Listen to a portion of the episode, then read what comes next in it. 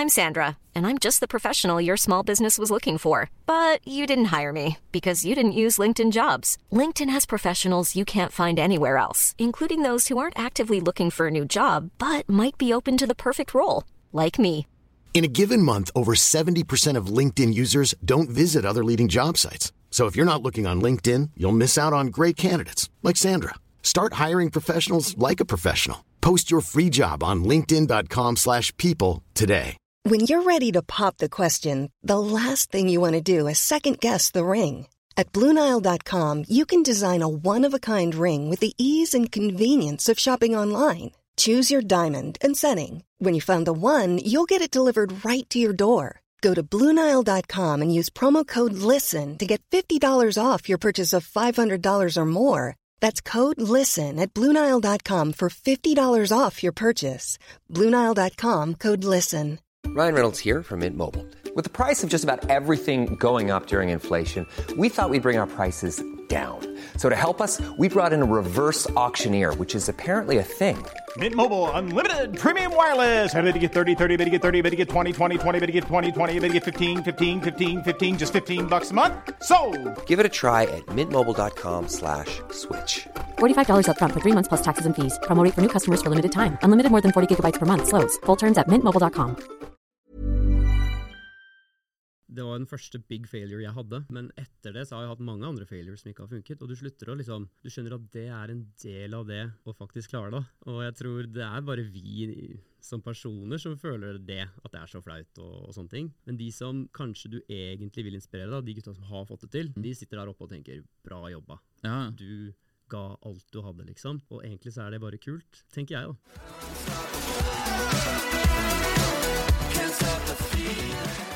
All right, da er vi tilbake med en ny episode av Impressions Pod, og i dag har vi med oss Martin Solhaugen. Velkommen til oss. Hyggelig å være her. Nydelig. Vi har jo jakta på deg i et halvt år nå for å få deg her på podden, og det har jo vært eh, ekstremt vanskelig, for du reiser rundt overalt og holder på. Eh, men du er jo Jeg vil jo definere deg som en reise-youtuber. Er det, vil du si at det er riktig eh, Ja, det tittel? er helt riktig. Jeg er veldig Ja. stolt av at du kaller meg det. Ja. Det er det jeg prøver å være. Så Ja. det er veldig kult. Mm. 29 år, fra Nittedal. Det er jo ei lita bygd utenfor Oslo, er det lov til å si det? Det er lov til å si det. Bygda har jo blitt eh, det er snart 30 000 mennesker som bor der, så det ok. blitt, blitt ganske stort. Ja. Mm. Ja, da er det jo, det er by, nesten. ja, jeg tror det er ikke langt unna i så fall. Ja. Du har 160 000 subscribers på YouTube, Mm. eh, og det, du har jo følgere på andre kanaler også. Ja. Men det er kanskje det mest imponerende, for det er 160 000 subs på YouTube, det er det veldig få som har. Ja. Og spesielt kanskje i Norge, selv om du har jo eh, mest sannsynlig et veldig internasjonalt publikum. Men du må være en av de største youtuberne fra Norge. Ja, jeg pleier å si det når jeg introduserer meg selv på konferanser og sånn, da, at Ja. jeg er den største reisevideobloggeren for Norge. Ja. Men det er ikke så mye konkurranse, for jeg er kanskje den eneste som faktisk fokuserer på den kanalen og kun driver med reise. Ja. Um, Er det noen andre, har du noen konkurrenter, egentlig? Ikke som jeg vet om. Så det har vært utrolig kult. Eh, Jeg har hørt at det er liksom noen som driver litt på, men jeg, jeg gjør det her på fulltid. Da. Ja. Så det er på en måte jobben min, Ja. eh, og det er veldig gøy. Ja, det, så dette er livet. Ja. 29 år. Du, eh, du tok jo en utdannelse på Høgskolen Kristiania. Stemmer. Hva tok du der? Så på Høgskolen i Kristiania så gikk jeg et uh, toårig fagbrev i kreativ reklame. Mm. Uh, og der starta jeg da jeg var 19 år. Jeg Mhm. var den yngste gutten i klassen og fikk jo så vidt vært med på fadderuka, for det var jo 21 for å komme inn på barne og sånne ting. Ja. Så jeg gikk liksom alltid med følelsen at jeg var yngst. Ja. Men uh, det var første gang i livet hvor jeg gjorde det veldig bra på skolen. Mm. Begynte å få veldig gode karakterer. ja, okay. Så det var liksom et lite um, tegn til meg. da, Dette var noe jeg liksom trivdes med. Det mm. å kreativt komme opp med konsepter og, og lage video og mm. sånne ting. Jeg var en av de få i klassen som alltid skulle ha med en video i Mhm. leveransen. Ja. Og det satte lærerne pris på, og det gjorde jo også at, at karakteren gikk opp, når ikke så mange andre gjorde det. Ja. Men når jeg da var ferdig der, så var jeg 21 år. Jeg prøvde meg litt ute i reklamebransjen. Mhm. Eh, drømmen var å jobbe i et reklamebyrå og, og liksom The Suits og ikke sant. Ja. Men eh, jeg opplevde at jeg var litt ung. Mhm. Og da kom uh, spørsmålet om man ville ta en bachelorgrad i utlandet. Mm. Og da husker jeg det var liksom sånn, Du kunne gjøre den i, i Bergen, du kunne gjøre den i, utenfor London, et sted som het Leeds. Eller hvis du var litt crazy, så kunne du ta den i Hawaii. Ja. Og da var det ikke vanskelig å be, da. Så Da ble det Hawaii? da ble Hawaii. To og et halvt år bachelorgrad da i Mass Communication Ja, ok. på Hawaii Pacific University. Ja. Trivdes du der?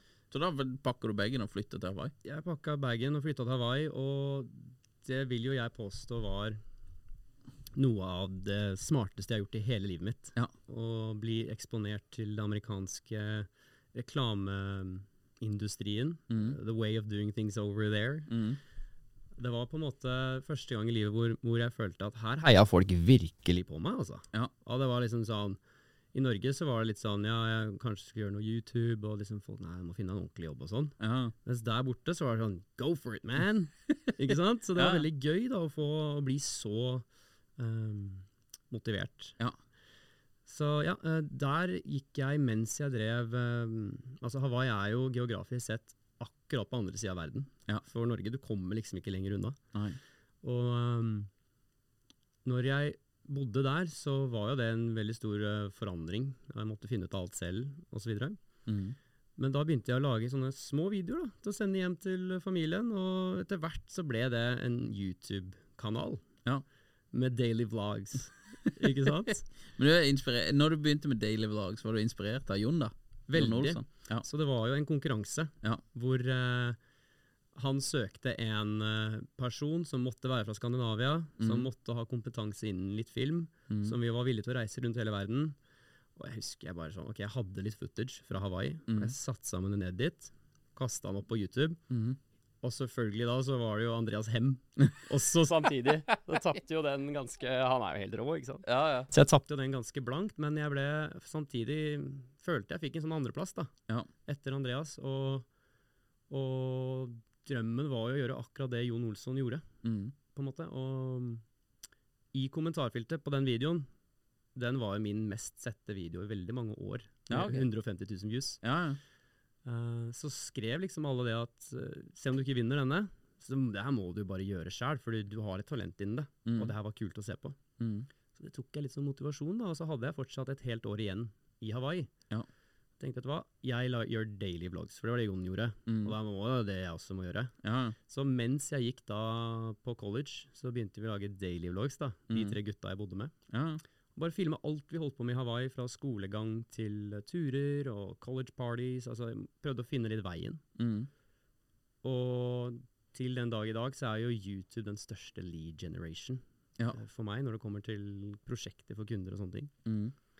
Og da, i det tidspunktet der, så skjønte jeg at hm, kanskje ikke jeg skal jobbe for noen, men kanskje jeg skal gjøre det her sjæl. ja. Kanskje jeg kan være billboardet. Mm. Og det var jo det syv år senere som endte opp med å skje, da. Ja, for det, du eh, studerer der, og så, eh, når du er ferdig Så du holder på med disse daily vlogsene. sånn, Ja. Så er du ferdig der. Da reiser du hjem igjen til Norge.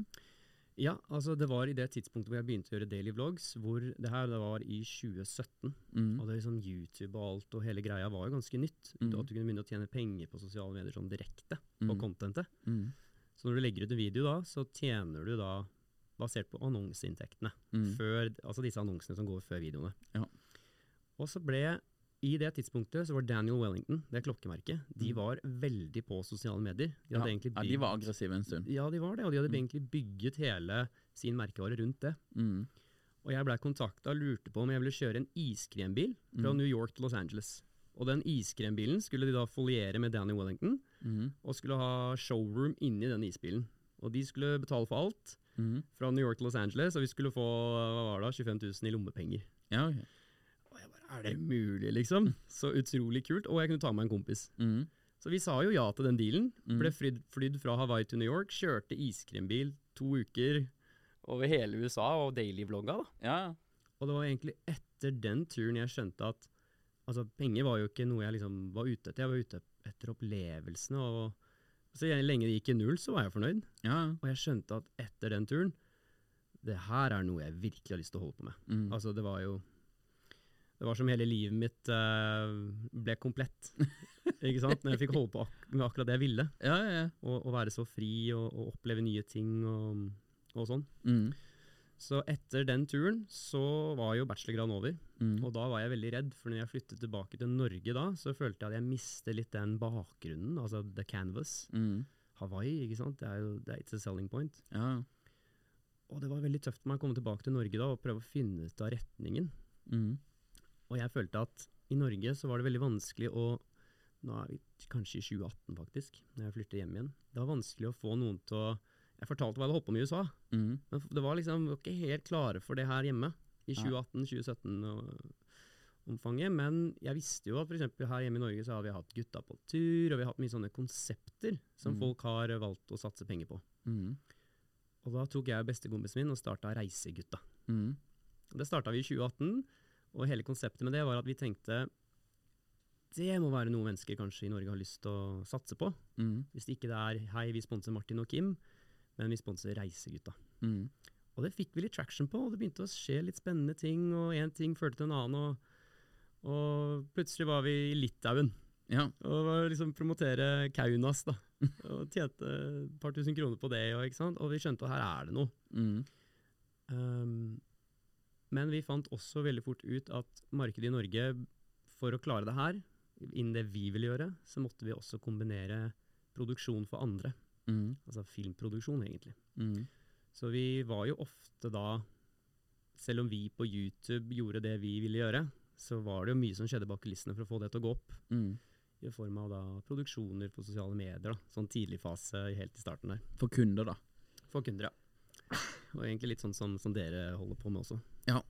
Ja, vi, har, eh, vi har svingt litt til det. Vi gjør ikke så veldig mye Vi gjør produksjoner ennå, Mm. men det er ikke så veldig mye Det er ikke så tungt fokus som det var før. Nei, interessant. Så det, har skifta egentlig litt. eh, Nå har jeg holdt på siden 2015.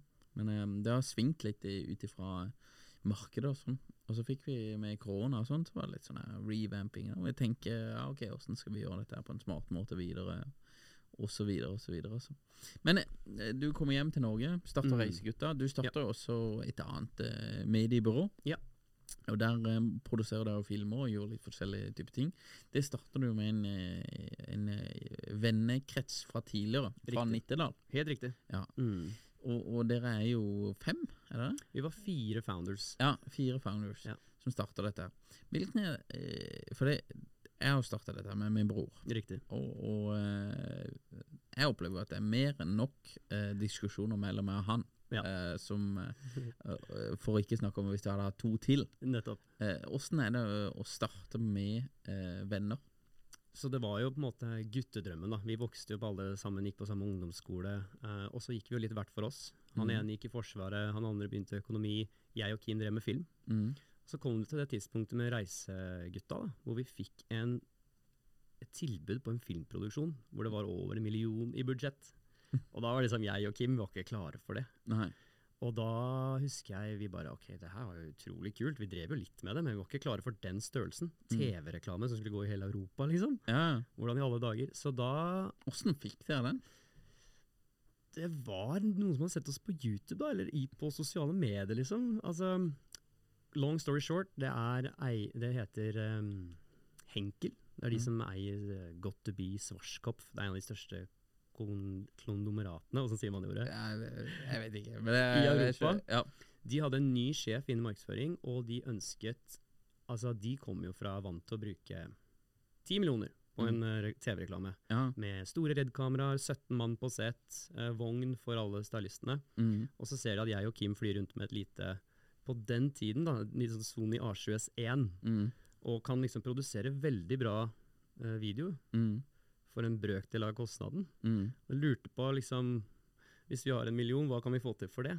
Mm. Så det var jo egentlig, egentlig at de ville gjøre et testprosjekt innad i den store bedriften, Ja, okay. som vi fikk muligheten til å pitche på. Ja. Og for å få til det, så måtte vi ha litt mer manpower. Vi Mm. trengte noen folk med litt økonomibakgrunn og litt sånne ting. Mm. Og da putta vi sammen det teamet på oss Mhm. fire. Når vi hadde gjort filmproduksjonen, så satte vi igjen med et ganske stort beløp, Mm. og tenkte nå er det enten cash out eller å satse. Mm. Og da valgte vi fire å gå sammen og satse på å bygge da det mediebyrået da, i Mm. Oslo. Og da hadde vi et fullt år med failure, uh, testing, suksesser, veldig mye spennende ting. Mm. Men det som tok oss til slutt, var vel egentlig det at vi, vi, vi startet det som bestevenner. Mm. Og det var også det største Det var det, det som var vanskeligst for Mm. oss, egentlig. Det er liksom en dynamikk som er i en bestevennegjeng, som er vanskelig når du da overfører det, når det er penger på bordet, harde decisions som skal tas. Mm. Og det følte jeg at var det som Det var rett og slett at vi ikke klarte å fungere som et team til slutt. Ja. Som gjorde at vi måtte oppløse da, og gå litt hver for oss. Mm. Um, og det var tøft. Når du har lagt inn Du har putta navnet ditt på noe, du har lagt hele livet ditt med kompetanse inn i noe, du har kunder, og du liksom Vi brukte sosiale medier da, som en kanal for å fortelle Hei, følg med på hva vi driver med, og liksom Ja. satsa hardt. Ja, det de var veldig aktive. Så det var veldig tøft å måtte annonsere da til hele verden at dette klarte vi ikke. Mm. Det var noe av det tøffeste kanskje i livet mitt på det tidspunktet. 25 var jeg da. Mm. Men selv om du står i det, og det ser ut som det er veldig vanskelig der og da Nå, når jeg er 29 og ser tilbake på det, Mm. så ville jeg aldri vært foruten. Men jeg er veldig glad for at vi ga oss når vi ga oss, Ja. og ikke fortsatte noe som kanskje ikke hadde funket. Mm. Fikk du mange som sa liksom at dette er flaut og sånn der, eller tror du det er For det jeg hadde mm, Første jobben jeg hadde, det var et eh, gründerselskap i Drammen Ja. uh, innenfor helsekost. Det holdt jeg på i ett og et halvt, to år. Og det gikk jo kjempe på trynet også. Ja. Det fikk jeg bare ikke til. Altså. Det, var, det, var, det var ikke meg som starta det, egentlig. Men jeg kom inn i en bitte liten Vi var tre mann, da. Riktig. Og det, det gikk bare ikke. Eh, og det eh, kjente jeg på at eh, når jeg slutta der, da At det var, det var første jobben min liksom etter eh, utdannelsen. Og det kjente jeg at det, var- så veldig tøft å liksom leite og eh, flaut, da. Jeg kjente at det var flaut. Riktig. Eh, at folk fikk vite det, at nå flytter jeg hjem til Kristiansand igjen og sånn, da. Men eh, sånn etter hvert så merker jeg at det, det virker egentlig som folk ikke bryr seg om det. om det. Det er egentlig bare meg. Eller jeg bryr meg mye mer enn alle andre. Så folk syns kanskje ikke det var så flaut. Eller jeg syns det var flaut, men folk, andre folk var litt sånn ja, ok, så får du en ny jobb, da. 100% Stian. Det er akkurat det jeg også føler. At det var den første big failure jeg hadde. Mm. Men etter det så har jeg hatt mange andre failures som ikke har funket. Og du slutter å liksom Du skjønner at det er en del av det å faktisk klare det. Ja. Og jeg tror det er bare vi som personer som føler det, at det er så flaut og, og sånne ting. Ja. Men de som kanskje du egentlig vil inspirere, da, de gutta som har fått det til, Mm. de sitter der oppe og tenker 'bra jobba'. Ja. Du ga alt du hadde, liksom. Ja. Og egentlig så er det bare kult. Mm. Um, tenker jeg, da. Ja, for det, det er litt samme oppfattelsen også jeg har. At ok, de som, eller folk som holder på med litt greier, da. De eh, får det veldig lite Det er iallfall ikke flaut. For de er sånn nei, ja ja, det, det, det Hvis, hvis de ja, andre i bransjen, da, de skjønner jo greia. 100%. At dette her er liksom Det her er steintøft. Det er bare å prøve igjen, eller prøve noe annet, eller liksom pivot, eller eh, iterate, eller hva du skal kalle det. Så du må liksom bare justere, da. Men eh, så jeg, jeg husker det at det, de eneste som sa noe på det, det var eh, folk som ikke eh, er Folk som eh, i mitt hode tok the safe road. Absolutt. Det var det eneste Ja, som sa noe ja. på det. Alle som gambla og kjørte på, de sa ingenting, liksom. Eller de sa de, Det var liksom bare ja, ja, ok, hva skal du til med nå, da? Til What's next? Ja, what's next, liksom? Da, så, så det, men det er litt fascinerende det der eh, hvor stort man kan gjøre ting i sitt eget hode. da Ja, absolutt. Det var nok det som skjedde der, da, for meg. Det, det, der tror jeg ikke du er sikkert å tenke sånn. For det, det, var akkurat sånn jeg også tenkte. Og jeg vil liksom dra ut en annen case. Du har jo hatt Didrik Dimmen på poden. Ja, ja. Han er en sånn case med, Dimmen. Ti av ti mann, altså. Ikke sant? Flow motion. Ja. Og liksom det funka ikke. Altså bang rett på neste, ikke sant? Det er sånn som jeg sitter og ser på og tenker, vet du hva, han fikk ikke til den. Nå gleder jeg meg til å se hva han kommer til å få til. Ja, ja. Men han har når Nå har jeg prata med han, da, men uh, uten å snakke for han. Mm. Men han opplever jeg har, så, har, har hatt en så sinnssykt fresh approach til det. Ok, flow motion gikk ikke. Det er jo selvfølgelig tøft og suger og alt dette her. Ja. Men han er litt sånn her bare åpen. Uh, har liksom holdt foredrag om at det ikke gikk, og ditt og datt. Ja. Og var liksom full pup eh, videre. Han hadde en liten tur eh, til disse Remarkable, da. eh, Og var litt der. Det tror jeg han hadde lyst til å være litt, eh, være litt der. Men, eh, men eh, liksom Han bare sånn der eh, eh, Jeg vet ikke hva du skal kalle det engang, men liksom åpen og ikke jeg, jeg, jeg tenkte bare det at nå blir han så sinnssykt het potet på jobbmarkedet. Det var det jeg tenkte. Ja. At han her kommer til å ha så sinnssykt høy markedsverdi nå. Mm. At folk kommer til å prøve å få fatt i han her.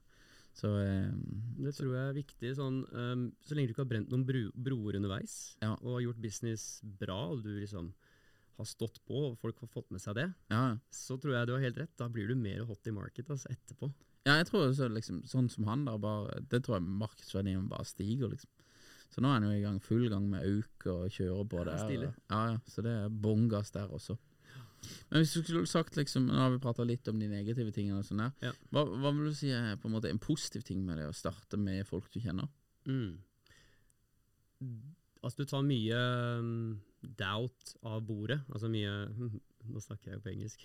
Mm. Men du, altså, du Du slipper eh, de de, de, de, de, de, de månedene i starten hvor du må finne ut av hvordan partneren er. Du Mm. kjenner jo alle Mm. veldig, veldig godt. Og du vet at du kan stole på dem, altså hvis du har mange år med erfaring med dem. Mm. Det er klart, når det kommer til business, så blir jo ting annerledes, og det er der også det skjærer seg. Mm. Men jeg føler når du starter med noen du, du vet godt hvem er, så slipper du da mm, forhåpentligvis mye, mye kriging da, med å finne ut hvem folk er og, og den der um, Mm. Ja. Spare litt tid på det. Ja, rett og slett. Ja. Så det følte jeg var den største styrken. Mm. Noen andre styrker enn det Nå er jeg jo blitt mye mer eh, Mye erfaring med det. Ja. Jeg så nok mange mye mer eh, Altså Den gangen så handla det om at det var jo kult, og vi var jo gutta, og sånn Mm. vi skulle få til å vise folk da, at vi kunne få til det òg. Mm. Mens nå så tenker jeg på det at skulle jeg valgt partnere, så hadde det jo ikke spiller det ingen rolle om jeg kjenner deg, eller hvem du på en måte um, har vært tidligere, så lenge du innehar den riktige kompetansen som vi trenger for å lykkes som et team. da. Mm. Så det er liksom helt andre kriterier nå når jeg skal partnere, hvis jeg skulle finne meg noen nye partnere. for Mm. å si det sånn. Jeg ser det. Så, eh, men dere slutter med dette her, Ja. og du eh, drar egentlig eh, more or less opp til Gardermoen, og så bare setter deg på et fly. Det er helt riktig. Fordi jeg i dette momentet fant ut av at jeg mistet passion. Ja. Altså Med Reisegutta Mm. så var vi jo på reise, Mm. og vi lagde ting, og vi, vi koste oss, og produserte da nisjeting da, for folk som trengte produktbilder og video på reise. Mm. Når vi begynte mediebyrået, så ble det mye mer, og jeg husker eh, til den dag i dag, når jeg skjønte at nå var det slutt, da sto jeg i et studio og lagde en video om en smoothiemaskin. Som jeg hadde ingen relasjon til, det var kun for å få penger inn i kassa, for vi hadde lønninger og regninger som måtte betales. Mm. Så når vi da avslutta det her, jeg satte meg på flyet eh, på Gardermoen sier, Mm. første enveisbillett til Manila. Til Manila. Filippinene. Ja. og for de som ikke kjenner meg godt, så har jeg i dag en kone eh, i Filippinene. Jeg bor fulltid egentlig i Manila som base, Ja. selv om vi reiser mye. Mm. Vi har bygget et hus over der, og da hadde jeg allerede vært sammen med henne i to år. Mm. Og i hodet mitt så var det en sånn, det var en femårsplan. Ja. Jeg skulle bygge opp dette mediebyrået, og når det endelig drifta seg selv, så skulle jeg og henne reise hele verden rundt. Mm. Da hadde vi kanskje begynt i år. Mm. Men det jeg skjønte var at jeg må jo følge det som virkelig gjør meg lykkelig. Mm. Og det var å reise og gjøre ting med henne. Og sånn hver ferie jeg hadde, så Hun er også fulltids-youtuber. Ja. Og vært en av de største i Filippinene på det. Mm. En av de første solo damene som reiser solo rundt hele verden. Ja. Og ehm, gjort det med et eh, third world passport, altså et filippinsk eh, pass som ikke er så lett. Mm. Så inspirerte veldig mange mennesker. Og hun var jo sånn Hei, jeg, har, jeg kan få med en ekstra person til Costa Rica. Vil du være med? Mm. Og så sitter jeg liksom i et studio og Nei, jeg kan ikke, ass. Jeg driver og lager noe her, liksom. og det var tøft. Ja. Å få alle disse mulighetene presentert uten å kunne hoppe på dem. Mm. Så når jeg tok den enveisbilletten til Filippinene, så sa jeg til henne nå skal vi reise verden sammen. Ja. Og jeg skal bruke all min kompetanse innen film og produksjon til å bygge henne enda bedre også. Hun hadde Mm. allerede et, eh, et influencer-brand, kan du si. Ja. Og når jeg kom til henne, så hadde jeg 40 000 på YouTube, Mm. og vi kjørte da Da fikk du også kjærlighet inn i bildet. Mm. Ikke kun bare at man reiser Mm. og gutta på tur, men når du klarte å kombinere kjærlighet med det å reise og videoblogg, Mm. så dro vi på oss et nytt audience som var sånn helt sinnssykt. Ja. Og da gikk det veldig fort til 100 000 følgere. Mm. Um, så i dag så, så når jeg og henne totalt 1,5 millioner mennesker. When you're ready to pop the question, the last thing you want to do is second guess the ring. At Bluenile.com, you can design a one of a kind ring with the ease and convenience of shopping online. Choose your diamond and setting. When you find the one, you'll get it delivered right to your door. Go to BlueNile.com and use promo code LISTEN to get $50 off your purchase of $500 or more. That's code LISTEN at BlueNile.com for $50 off your purchase. BlueNile.com code LISTEN. There's never been a faster or easier way to start your weight loss journey than with PlushCare.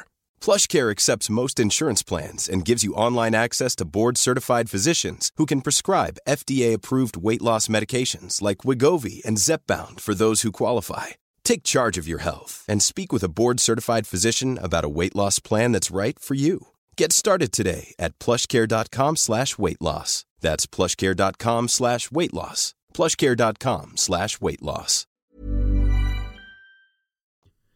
eh, da cross platforms. Ja, ok. Total følgebase. Ja, total følgebase meg og henne, så det er liksom den vi selger sammen nå, da. Ja.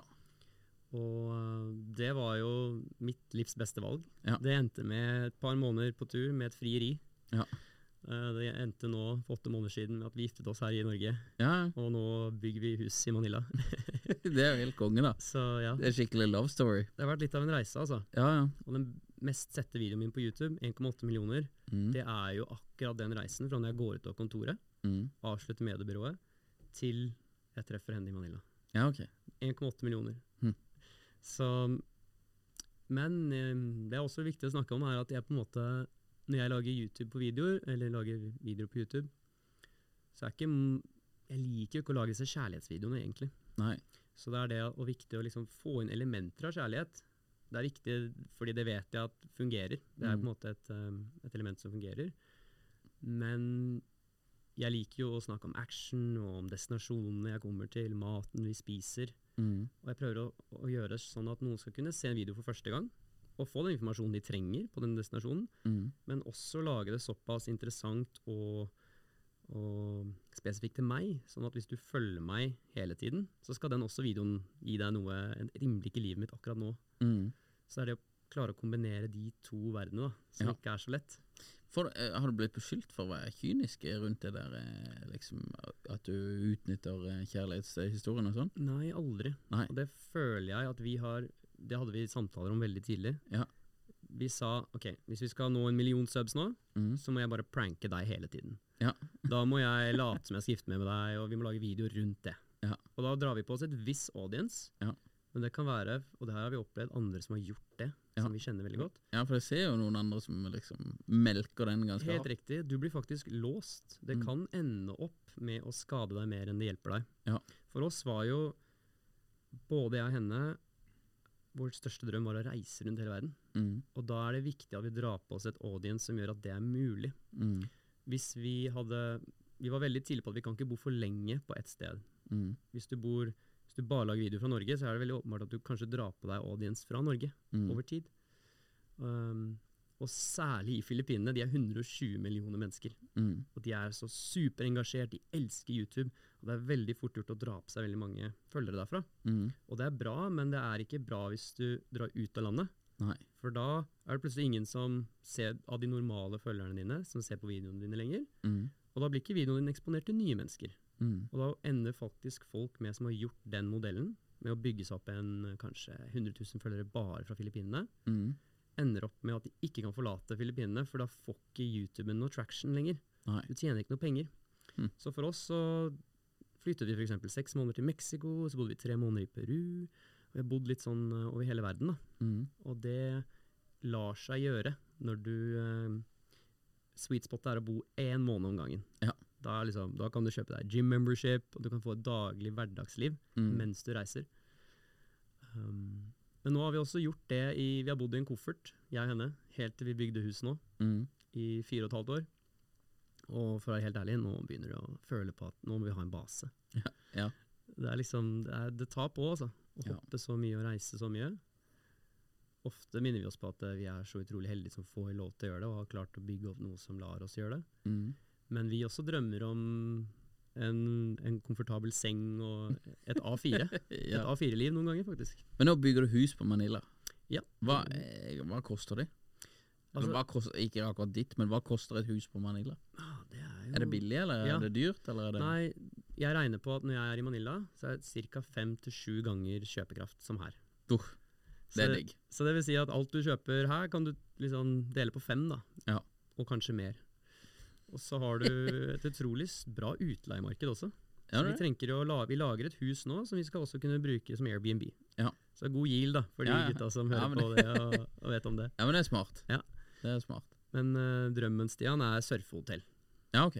Og, og starte et surfehotell. Starte et surfehotell på en øy, og leie ut motorsykler, og bare kunne invitere kompiser, deg blant annet. Altså, kom og heng, liksom. Det er, Ja, det er drømmen. Med, etter med, med Camilla og Benjamin og kommer til Manila. jeg. Ikke sant? det er det er konge. Nei, fett, da. Så det bygges nå, eller er det ferdigbygd? Huset er ferdigbygd. Ja. Um, det var jo egentlig en, en renovasjon av et eksisterende hus. Mm. Og nå er vi i gang med møblering, Mm. og håper at over sommeren at vi skal få det helt ferdig. Da. Ja. Og da har vi på en måte Da har vi noe i Manila, men sånn Manila er jo ikke akkurat en by sånn som Oslo. Det er ikke sånn at du bare tar en joggetur i Lillomarka og koser deg, liksom. Nei. Det er, det er en metropolitan megacity med tolv millioner mennesker. Mm. Og hva skal jeg si um, Gapet mellom fattig og rik er jo veldig stort. Det er farlig. Ja. Ja. Det er veldig eller, altså, Manila i seg selv Jeg har aldri følt meg um, Aldri følt meg redd. Nei. Det må jeg si. Det er veldig sånn Det er sånn bubble city. Du har, du har liksom områder du bare kan ta taxi mellom Mm. uten noe problemer på sånne skyways som bare går over eh, huset og alt. Ja. Og så er det plutselig bare inn Du kunne tro du var i Manhattan. Mm. Altså Det er så bra standard på ting. Mm. Men så har du også da baksiden av medaljen, hvor det er litt sånn getto-deler også. Ja. Men Manila er nå blant de tre landene i verden hvor det er en høyst voksende middelklasse. Ja, ok. Filippinene. Filippinene, ja. Ja. Der er det ja, Filippiner, riktig. Der er det nå utrolig mange nye entreprenører. Altså alle barer, alle kule ting som blir skapt, det er folk på vår alder. Ja, ok. Så når jeg er der nede, så er det som fattern forteller meg her fra Oslo i 80-tallet. Mm. At liksom alle starta noe, det var liksom sånn boom i, i, i spennende ting. Mm. Og jeg vet ikke om du så det, men jeg, jeg sto for eksempel jeg sto foran Stortinget i Manila, par Parliament, Mm. og snakket om sosiale medier og liksom mulighetene rundt det. Ja, ja. Og så Jeg kan se for meg å få den samme muligheten her i Norge. Hadde liksom, det, det hadde ikke skjedd da det toget har gått, ja, ja. på mange måter. Altså, Vi er så mye mer etablerte. Ja. Så for meg som en kreativ sjel å få lov til å bo i et land hvor det skjer så mye spennende, og det er så mye utvikling og development, Mm. da koser jeg meg masse. ja. Jeg Og- ser den. Kan være en first mover da, i veldig mye. Ja, du kan hoppe på veldig mye. Ja. Nei, men fett, da. Fett. Det er jo eh, Det er jo mange som lurer på dette. Men det er 160 000 subs, og du reiser jo verden rundt. Hvordan tjener, hvordan tjener du penger? Så det er jo et eh, veldig godt spørsmål. Og jeg skulle gjerne ønske at jeg kunne si at det er kun YouTube som gjør at jeg klarer å gjøre det. Ja, Men det er en kombinasjon av mange ting. Det er en kombinasjon av veldig, veldig mange ting, men jeg har jo, jeg vil si, tre hovedpilarer Mm. som jeg gjerne kan ta dere gjennom, og det er, eh, nummer én er ad revenue. Mm. Det er jo sånn at hvis, hvis jeg har en merkevare og ønsker å annonsere på YouTube, så betaler jeg YouTube en viss sum Mm. for uh, hver gang noen ser på en video. Mm. Da kommer det en sånn 15 sekunder annonse på starten av videoen. Ja. Hvis, den, hvis noen trykker på min video, så kommer det en annonse før den uh, videoen. Mm. Da får jeg 50% av hva de tjente, eller hva de måtte betale for den. Ja, ok. Og det som er interessant der, er hvis jeg, hvis jeg hadde hatt 10 000 nordmenn i min YouTube-kanal, Mm. så ville jeg tjent det samme som hvis jeg hadde 100 000 filippinske seere. Av verdien på de. Av verdien på hva Ah, det koster koster å annonsere de ulike landene. Ja. Så for meg så er det Du kan jo se på en YouTuber fra USA, Mm. og så kan du tenke at han tjener, kan tjene ti ganger så mye som kanskje noen kan gjøre andre steder i verden. Norge Mm. også er veldig høyt der oppe. Mm. Så det å ha norske YouTube-seere er jo veldig veldig bra. Ja. Um, der har ikke jeg så stor prosentandel, men det er noen, og spesielt på de videoene jeg lager i Norge. Mm. Men sånn tjener jeg penger, og så er det også med hvor lenge folk ser på. Hvis Mm. du ser hele 20 minuttene av min video, fordi jeg er interessant å følge med på, Mm. så kan jeg kanskje vise deg fem annonser. Mm. Og da tjener jeg fem ganger så mye på deg som hvis jeg var en dårlig YouTuber og du bare ikke gadd å se mer enn de første 20 sekundene. Ja. Så det er også veldig viktig å, å vite å bruke storytelling og emotions, da, følelser i videoene, for å få folk til å gidde å se på hele. Ja. Så, så det er også en formel til suksess. Så det, hvis du gjør det bra på YouTube der, så kan du kanskje dekke en, liksom en, en relativt ok månedslønn, da. Mm. Uh, som du skulle hatt en veldig vanlig jobb her hjemme i Norge. Mm. Men der du virkelig tjener store penger, det er jo på Igjen tilbake til historiefortelling Mm. og brandet du har bygd opp. hvordan da f.eks. Uh, en stor merkevare kommer til deg og sier hei, vi syns det du gjør er veldig kult. Mm. Kunne du tenke deg å, å lage en video om vår merkevare? Mm. Eller reise med oss? Mm. Da kan du virkelig tjene gode penger. Ja. For det koster. Det er jo nesten litt som produksjon igjen. Ja.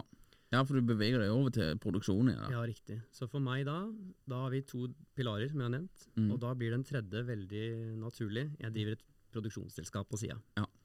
Så ofte får jeg henvendelser fordi folk enten da ønsker at jeg skal være den personen som snakker om merkevaren, Mm. eller så lurer de på om jeg kan lage det som heter UGC, Mm. User Generated Content, Mm. Hvor jeg produserer noe uten å aldri være et ansikt for det. Men de vet, de ser jo at jeg kan lage bra greier, og, og livsstilen er kul og sånne ting. Mm. Ta med f.eks. et merkevare på da, en av turene mine, og lage litt produktvideo, eller eh, knytter egentlig opp til en reise og en historiefortelling, hvor det er ja, Ofte så bruker vi oss selv også i videoene. Vi blir jo sånn modeller. Mm. Men det hender at vi ikke viser ansiktene våre, f.eks. Ja. Og så ser aldri noen at jeg har produsert det. Det dukker opp på f.eks. et brand som selger noe i Filippinene, eller noen som selger noe i USA. Um, jeg har en agent i Asia og en i Nord-Amerika, Mm. i Canada. Så det er litt sånn, der har du de tre hovedpilarene da, som Ja. gjør at uh, dette er mulig å gjøre på fulltid. Mm. Og så har vi jo alltid noen side hustles. Det er alltid Ikke noe sant? side hustles. Så vi prøver jo på mye å se Ja. hva vi kan få til, men det var liksom, jeg har alltid hørt at du skal helst prøve å fokusere på én ting. Ja. Og jeg tror etter, jo eldre jeg blir, jo mer skjønner jeg hva de mener med det. Mm. Det er liksom alternativkostnaden av å bruke mye energi på et prosjekt som kanskje ikke vil gi deg, eller som funker. da. Mm. Så det jeg ønsker å fokusere på nå, er mer på min vertikal da, innen, innen YouTube og, og det å inspirere andre til å reise. Ja. Og, og egentlig gjøre det enda bedre. Mm. Den ser jeg. Nei, kult da. Men du har jo reist rundt overalt. Hva vil du si er den feteste destinasjonen du har vært på? Uh, det er så godt spørsmål. Jeg koste meg utrolig mye når vi bodde i Mexico. Mm. På, vi bodde i Tulum Mm. i to måneder, og så bodde vi en måned i Playa del Carmen. Det er jo Yucatan-peninsulaen, så det er, the, the Caribbean Ocean side. Mm. Der er det en sånn utrolig kule cenote, heter det. Og det er et vannhull Mm. som eksisterer naturlig um, i bakken. Og oppi der så er det krystallklart vann. Og ofte så kan det være sånn 10-12 meter ned til det vannet. Oi. Og da koste jeg meg så utrolig mye, for da hang jeg med en del eh, folk som likte å cliffdive og hoppe og sånn. Mm. Så da, da var det ofte vi liksom tok noen turer og double saltoer inn i disse cenotene og fridykke nedi der. Og det er helt sinnssykt, fordi når klokken er sånn to på dagen, så er solen rett over den cenoten, og da får du sånne lysstråler, i og med at det er ferskvann. Og den er veldig sånn uh, gjennomsiktig. Du kan jo ofte se tolv meter ned til bakken, Mm. altså i vannet. Så får du sånne lysstråler som går ned i de cenotene. Og når du da dykker ned med kamera, så får du sånne helt sinnssyke videoklipp, altså. Ja, det Så sånn fra, fra liksom estetisk side, så er det Ja. så utrolig fint der. Ja.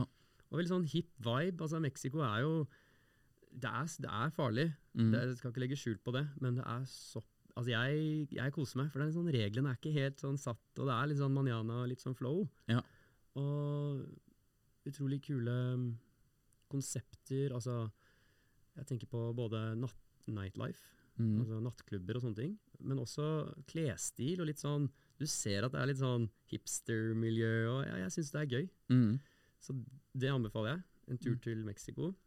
Um, har også vært på Machu Picchu, Mm. som er bare sånn Når jeg sto der, da var det for meg full circle på Mm. det jeg har holdt på med som reisevideoblogger i mange år. Mm. Når du står foran der, og du liksom Du har tatt et fly, en buss, en tog, og det har gått for å komme deg et sted. Ja. Um, for å se en av liksom Seven Wonders of the World. Mm.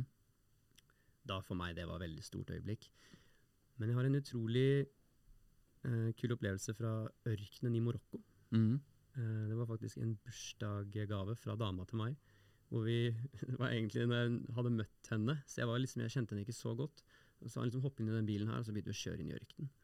I Marokko. Jeg har aldri vært altså, Jeg er i Afrika, så jeg var liksom Å, herregud, hva skjer nå? Altså, hun var surprise, hun skulle ikke si noe. Nei. Og jeg syntes det var litt skummelt. Ja.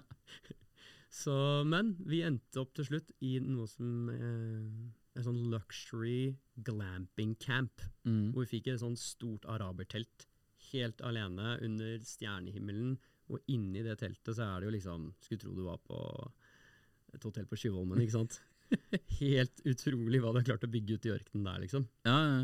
Så det var veldig romantisk og veldig fint. Mm. Men for de som ikke har vært i Filippinene også, jeg har et stort hjerte for eh, de øyene. Det er jo over 7000 øyer. Ja. Filippinene er jo ikke liksom ett kontinent eller ett land, det er bare sånn masse øyer. Mm. Og um, det er en øy som heter Shargao Island, Mm. som de kaller for surfehovedstaden i Filippinene. Mm. Der kommer Stillehavet inn, og treffer da helt perfekt en sånn øy, og det er bare sånn noen av verdens beste surfbreaks. Ja, ok. Og det er der surfehotelldrømmen er, da. Er det på samme øya som Manila? samme, nei, så Manila er um, på en øy som heter Luzon, ca. en og en halv time flytur unna. Ja, ok. Men uh, jeg gjorde en roadtrip i Manila nå. Leide Mm. bil og bare kjørte rundt. Og det er fullt mulig. Og det tror jeg er noe som vi kommer til å se over de neste kanskje 10-15 årene. Etter hvert som Filippinene nå utvikler seg, Mm. så kommer det til å bli en destinasjon som kan være like interessant som Thailand. Ja. Vi har jo direktefly fra Oslo til Thailand, eller vi hadde i hvert fall før pandemien. Mm. Jeg ser for meg at Filippinene er liksom the next undiscovered. Ja, ok. Så veldig kult, anbefales. Nei, vi får ta en tur til Filippinene, altså. Hjertelig velkommen. Du har jo eh, siste stuntet nå, det er at du er hjemme i sommer, og så har du sykla fra Nordkapp til Lindesnes. Eh, Ja, eh, med han eh, Nikolai, da. stemmer. Eh, bare fortell kjapt om det, og hvorfor dere tenkte at dere skulle gjøre det, og åssen gikk den turen? Du, det var litt av en tur. Jeg personlig liker å utfordre meg selv. Mm. Og jeg vil jo se, jeg vil si at den turen er ekstremsport. Ja. Altså, Nikolai hadde en drøm, veldig god kompis av meg, Nikolai Simensen, shout out til han. Han hadde en drøm om at han skulle gå Norge på langs. Mm. Men så fant han ut etter at han leste en bok at kanskje man skulle sykle han. Mm. Og så spurte han bare meg sånn lett, tror jeg, er det noe du kunne tenkt deg å gjøre? Og jeg er jo en fyr som bare sånn, ja, det vil jeg gjøre. Mm. Høres kult ut. Så vi bestemte oss for at vi skulle gjøre det, og etter jeg hadde regna på ruta Du kan jo ikke kjøre veiene rett alltid, du må jo noen sykkelveier under. Ja. Så enten på rundt 3000 km. Mm. Og det er ganske langt. Jeg husker når jeg satt og øvde på det her i Filippinene, så sykla jeg liksom Hvis jeg sykla veldig fort en halvtime, Mm. så kunne jeg liksom klare 15 km. Ja.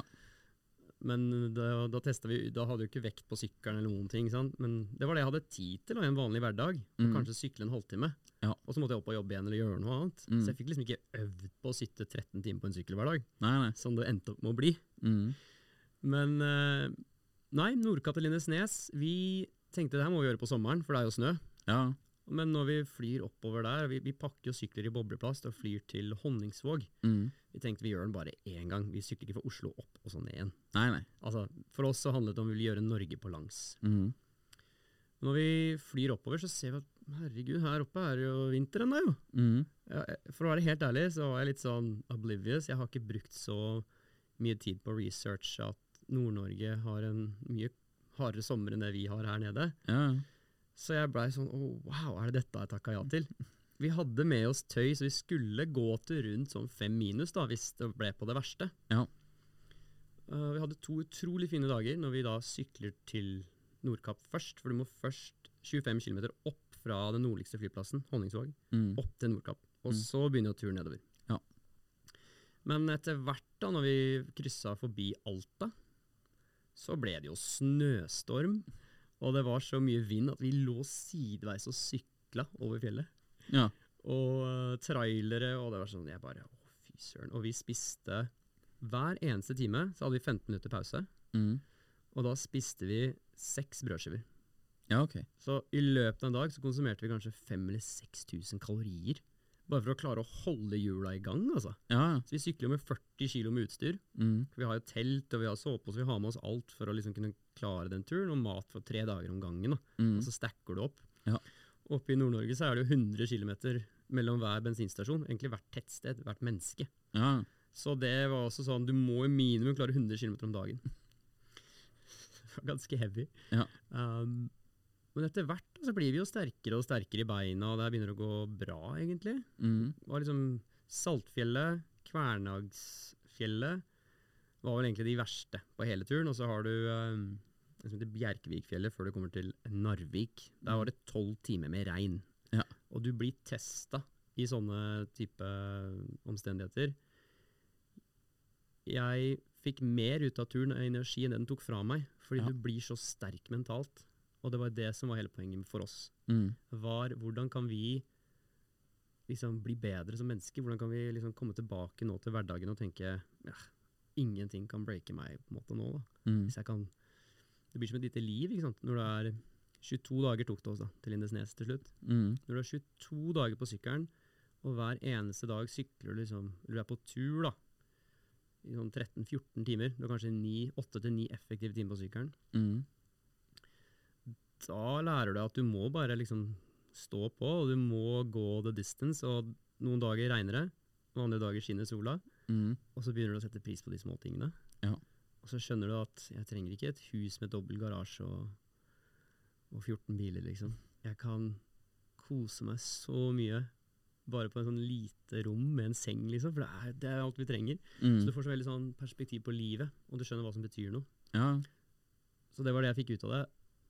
Og etter hvert som vi da kom forbi Trondheim, så kom jo sommeren, og plutselig er det liksom 30 grader ute, og det er helt sykt, ikke sant. Så siste etappen da fra, fra Trondheim nedover, så begynte vi å klare 150 km om dagen. ja, ok. Og da, Der går du unna. Ja, da går du unna, ja. Så da var det liksom fra, fra Oslo til Lindesnes på fire dager. Ja. Så det gikk veldig fort på slutten, og vi klarte en uke raskere enn vi først hadde antatt. Ja, ok. Så For dere gjorde det på 22, 22 dager ble det. og da hadde tenkt to, 29? Ja, eller 30 faktisk. Ja. Eh, så veldig kul opplevelse. Det er klart, det er jo Det jeg fant ut, er at hvis ikke jeg tar ansvar på veien, Mm. så, så dør jeg. Mm. Altså bilister og trailersjåfører, og de skal frem og ikke sant. Så man, det er første gang i livet jeg har følt at jeg har blitt nedgradert på næringskjeden. Ja. På veien? Ja. Du føler deg som liksom, et dyr som skal dø hvis du ikke passer deg. Ja. Så det var et par ganger du måtte hoppe ut av veien, og du, vi må liksom hele tiden passe på å kjøre riktig. Du må liksom analysere trafikken og sånne ting. Mm. Du kan ikke tro at det at du bare sitter og sykler er nok til at noen skal stoppe, eller ta seg tid over en bakketopp. Nei. Så det var faktisk veldig mm, skummelt å se da, hvilke, hvilke situasjoner vi forårsakte bare med å være på veien. Mm. Altså, og spesielt oppe i nord så er det jo ikke så mange veier. Det er én hovedvei, og det er E6. Mm. Og den, klart, den er det 80-90 på til tider. Og ja, det var en tunnel blant annet vi måtte sykle gjennom, som er liksom Det er vel ja, North Cape Tunnel, da, som Mm. er eh, jeg tror den er 6 km lang. Og så går den under havet, og så går den opp, og inni der så kan det er, det er så trangt at trailere kan ikke møtes. Nei, ok. Så når det kommer to trailere, så er det sånn du må bare stoppe og flette deg. Altså. Ja. Så man, man lærer liksom hvordan du må kjøre i trafikken. Mm. Det var en utrolig kul ekspedisjon. da. Ja, det kan jeg tenke meg. Det må være et eventyr for livet. Ja, jeg kjøpte, når jeg var i Nordkapp, så kjøpte jeg en sånn patch som står North Cape. Mm. Og så kjøper jeg en det står Lindesnes på her. Så det blir liksom den genseren man kan gå med, da. Ja, ja, ja, det er. Nei, Martin, vi må eh, runde av her. Når, Mm. eh, nå er du jo i Norge her på sommeren. Når flyr du tilbake til Manila? Så nå om en uke skal jeg på to uker safari i Tanzania. Mm. Og så går turen til Manila 1. august. Ja. Så da er det back on the road. Da er det back on the road. Ja, men det liker vi. Martin, tusen takk for at du kom. Tusen takk for at du delte. Mm. Og så ønsker vi deg lykke til, og vi gleder oss til å komme på surfehotellet ditt en gang i framtida. Jeg håper virkelig at det skjer. Ja, ja, Det skal skje. Det kommer til å skje. Tusen takk for at jeg fikk være her, og takk til alle som lytta på. Og Utrolig kult det dere holder på med. Og ja, jeg er en fast lytter sjæl, så det var gøy å endelig få være her. ja, det setter vi pris på. Vi har faktisk sett at det dukker opp noen lyttere fra Manila, så det er kanskje det. Uh, det kan hende. Ja, mulig, mulig. Nei, Martin, tusen takk. Takk skal du ha. Hey, it's Danny Pellegrino from Everything Iconic. Ready to upgrade your style game without blowing your budget? Check out Quince. They've got all the good stuff shirts and polos, activewear, and fine leather goods, all at 50 to 80% less than other high end brands. And the best part? They're all about safe, ethical, and responsible manufacturing. Get that luxury vibe without the luxury price tag. Hit up quince.com slash upgrade for free shipping and 365 day returns on your next order. That's quince.com slash upgrade. Planning for your next trip? Elevate your travel style with Quince. Quince has all the jet setting essentials you'll want for your next getaway, like European linen, premium luggage options, buttery soft Italian leather bags, and so much more. And is all priced at 50 to 80% less than similar brands. Plus, Quince only works with factories that use safe and ethical manufacturing practices. Pack your bags with high-quality essentials you'll be wearing for vacations to come with Quince. Go to quince.com slash pack for free shipping and 365-day returns.